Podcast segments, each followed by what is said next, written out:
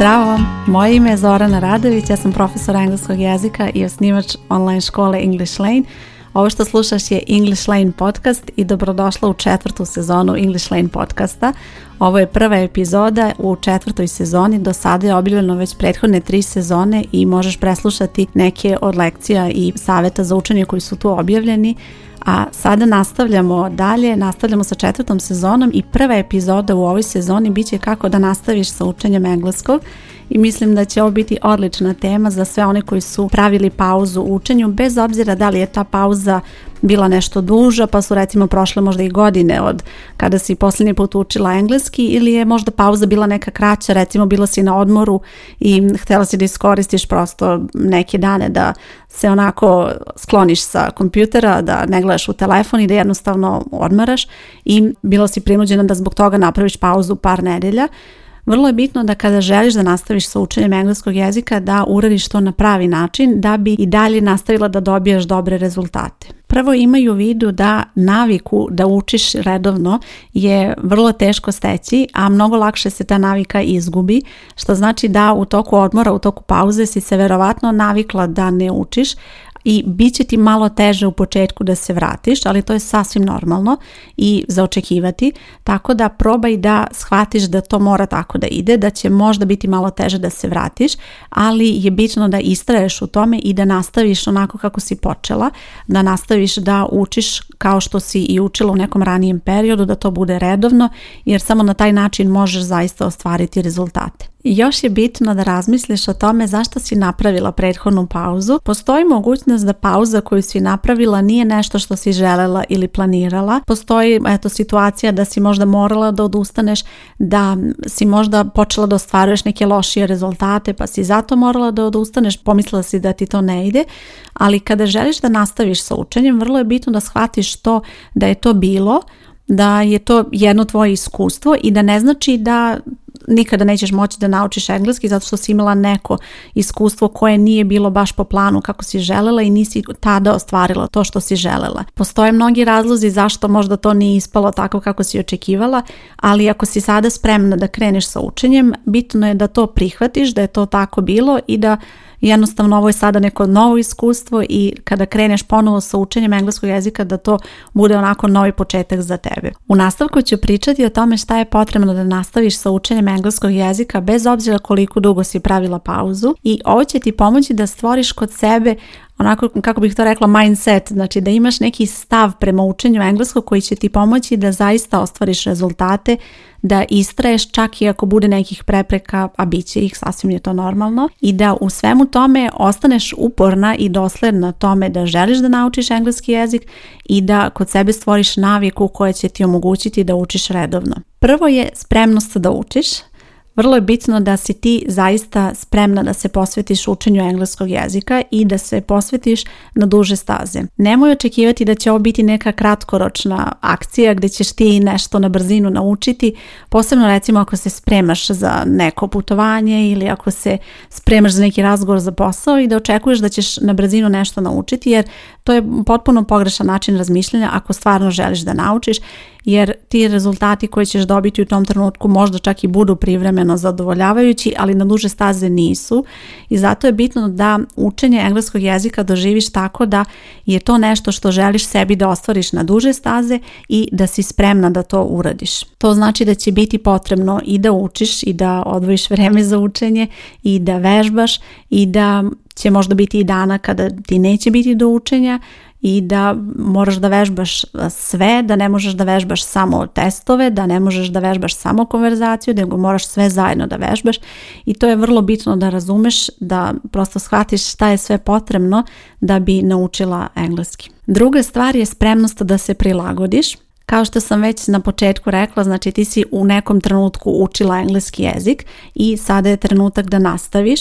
ali to nije tako jednostavno, znači ne možeš recimo ako si radila po nekom učbeniku, stigla si do stranice 55 i posle pauze nastavljaš od stranice 56, to ne ide tako. Nije moguće samo jednostavno nastaviti bez ikakvog obnavljanja jer sasvim je normalno da se u toku pauze mnogo toga zaboravi i što najbitnije izgubi se sigurnost. Sve ono što si znala, ne kažem da si zaboravila, pogotovo ako je kraća pauza u pitanju, nisi zaboravila, ali si verovatno izgubila sigurnost da to upotrebiš u konverzaciji i to je nešto što moraš ponovo polako da stekneš i u tom slučaju ćeš verovatno morati da se malo vratiš, da obnoviš i na taj način da se prilagodiš tom novom učenju. Također je bitno da recimo ako si završila kurs u jednoj školi, a sada nastavljaš učenje u drugoj školi ili recimo ako učiš individualno sa profesorom, učila si možda sa jednom osobom, nastavljaš sa drugom, vrlo je bitno da se u tom trenutku prilagodiš tom novom načinu učenja i da prihvatiš to i da naravno nađeš pre svega nešto što tebi zaista odgovara. Idealno bi bilo ako bi mogla da nastaviš na isti način kao što si počela, ali ako moraš da promeniš ili školu ili ako je profesor ili možda čak ista škola, a drugi profesor i to se dešava,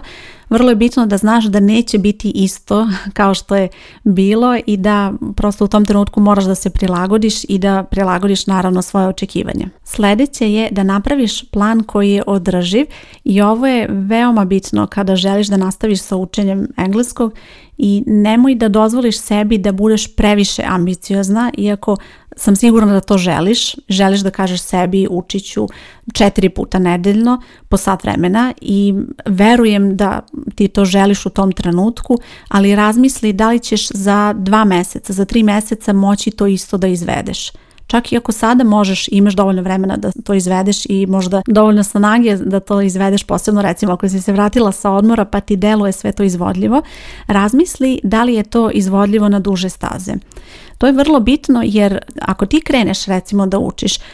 četiri puta nedeljno po sat vremena, bit ćeš super zadovoljna sobom i vidjet ćeš odmah i dobre rezultate, ali u trenutku kada to ne budeš mogla da ispratiš, recimo doći će nedelja kada će biti previše obaveza na poslu i kada ćeš možda uraditi samo dva sata te nedelje, ili će doći neki period kada ćeš možda samo imati pola sata da nešto pogledaš i da uradiš neko vežbanje ili neki zadatak, u tom trenutku ćeš se osjećati vrlo loše i osjećat ćeš kao da si već izgubila, onako kao da si već odustala ustala sa učenjem, iako nisi naravno. Jednostavno u tom trenutku si morala tako da prilagodiš se situaciji, ali to negativno utiče na tvoju motivaciju i zato je bitno da u startu nađeš nešto onako između što znaš da ćeš uglavnom moći da ostvariš jer će ti to pomoći da onda budeš onako dosledna i redovna i da uvijek poštuješ tu naviku kod sebe i da onda zaista svake nedelje čak i ako nekada bude previše obaveza uspeš da ostvariš bar deo toga i da uvijek osjećaš onako zadovoljstvo što si uspela to da uradiš.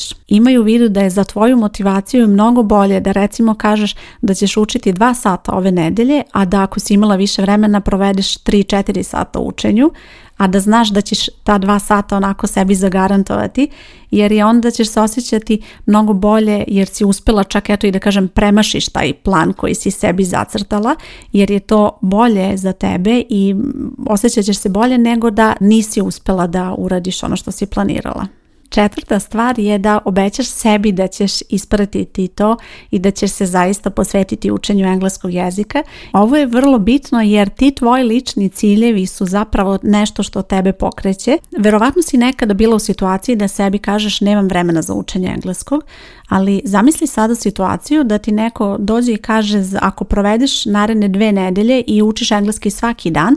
dobit ćeš posao neki koji si želela ili recimo ne mora posao, može neko putovanje na neku egzotičnu destinaciju. Verujem da većina vas bi već danas krenula sa učenjem engleskog jezika jer bi postojao taj neki motiv koji bi pokrenuo tebe u tom trenutku da učiš čak i ako da kažem nisi imala vremena. Sad e, kako odjednom imaš vremena. To znači da učenje engleskog tebi zapravo nije bilo u prvom planu i nije bio takav prioritet kao što jeste tada u tom trenutku kad ti neko dao dodatni motiv. I zato je vrlo bitno da ti sama sebi budeš motivacija da sama sebi postaviš cilj i da već probaš da zamisliš sebe kako bi izgledao tvoj život da znaš engleski jezik, kako bi izgledalo prisustovati sastanku gdje ti razumeš šta ostali pričaju i gde se ne plašiš da i ti nešto prokomentarišeš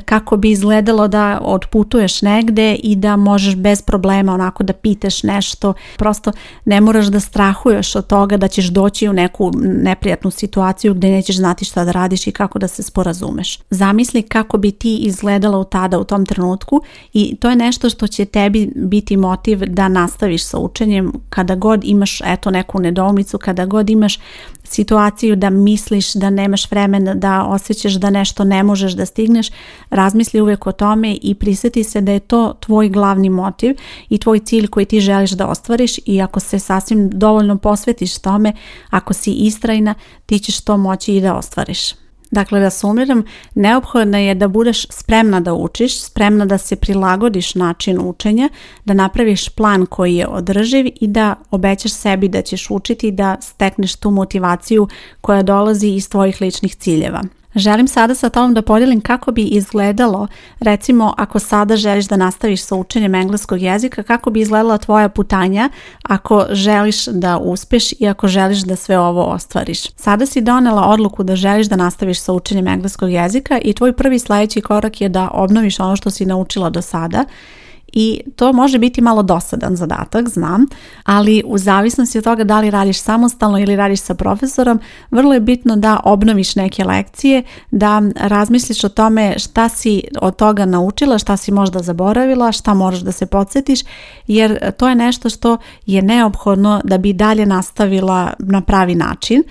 Drugi korak je da prihvatiš činjenicu da si neke stvari zaboravila, to se svima dešava. Nemoj da misliš o tome kao nešto negativno, jer nije, to je jednostavno tako, to se dešava i sasvim je normalno da moraš da se podsjetiš i da obnoviš neke stvari. Treća stvar je da se konsultuješ sa profesorom, eventualno oko toga da li postoje neke stvari koje ti malo lošije idu. U smislu recimo ako ti možda ide lošije konverzacija, možda ćeš u toku obnavljanja malo više da se fokusiraš na konverzaciju. Ili recimo ako su ti slabije išla vremena, da u tom trenutku kada obnavljaš malo više pažnje obratiš recimo na vremena, a malo manje pažnje na učenje novih reći ili tako dalje. Jer vrlo je bitno da se sve to uči na isti način, da paralelno učiš i reći i gramatiku i konverzaciju i izgovor, sve to da vežbaš zajedno, pa ako u tom trenutku kada obnavljaš primijetiš da postoji neki nesklad, vrlo je bitno da to tada otkloniš. Četvrti korak je da napraviš naviku, da učiš redovno i to će možda biti teško prvih nedelju, dve, tri najviše, a onda kada uđeš u tu rutinu i kada imaš iza sebe tu naviku da učiš redovno, bit će ti sve lakše i lakše. I peta stvar je da nastaviš dalje sa novim gradivom, to ćeš uraditi naravno nakon što sve ovo završiš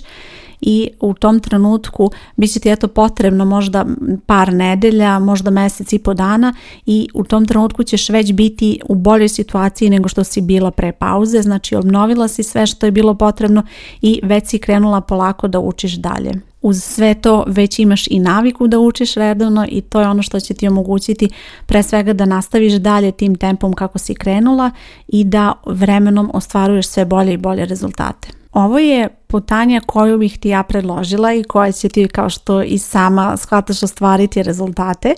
ali postoje i situacije kada neko nije baš spreman da to prihvati na takav način i recimo dešava se da ljudi posle pauze žele da nastave tačno gde su stali i kažu recimo završili su A2 kurs i žele da nastave B1. Sad ne razmišljaju o tome da li su zaista spremni za B1 jer zamisli samo da upišeš kurs za koji nisi spremna pa već si sama sebe onako osudila na neuspeh.